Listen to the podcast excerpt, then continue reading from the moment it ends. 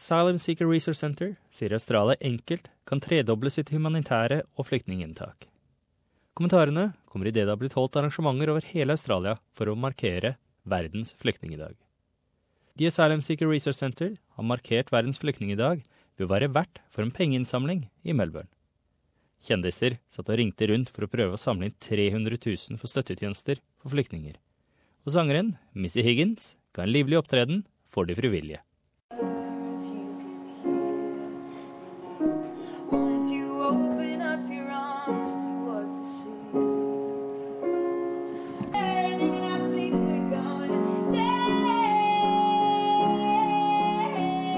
Den føderale regjeringen sier at det vil øke flyktninginntaket til nesten 19 000 innen utgangen av 2019.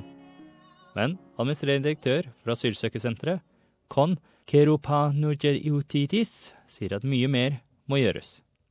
We could easily triple our refugee humanitarian intake and save many more lives, especially when you think about groups like Syrian refugees, the Rohingyans that are just on our, on our shores, and we are doing way too little, and we could easily be taking many more people.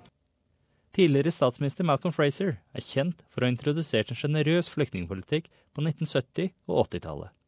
Enken hans, Tammy Fraser, sier at hans svar på behovene ikke bør glemmes. I'm more concerned about what the um, present government is doing about refugees, frankly.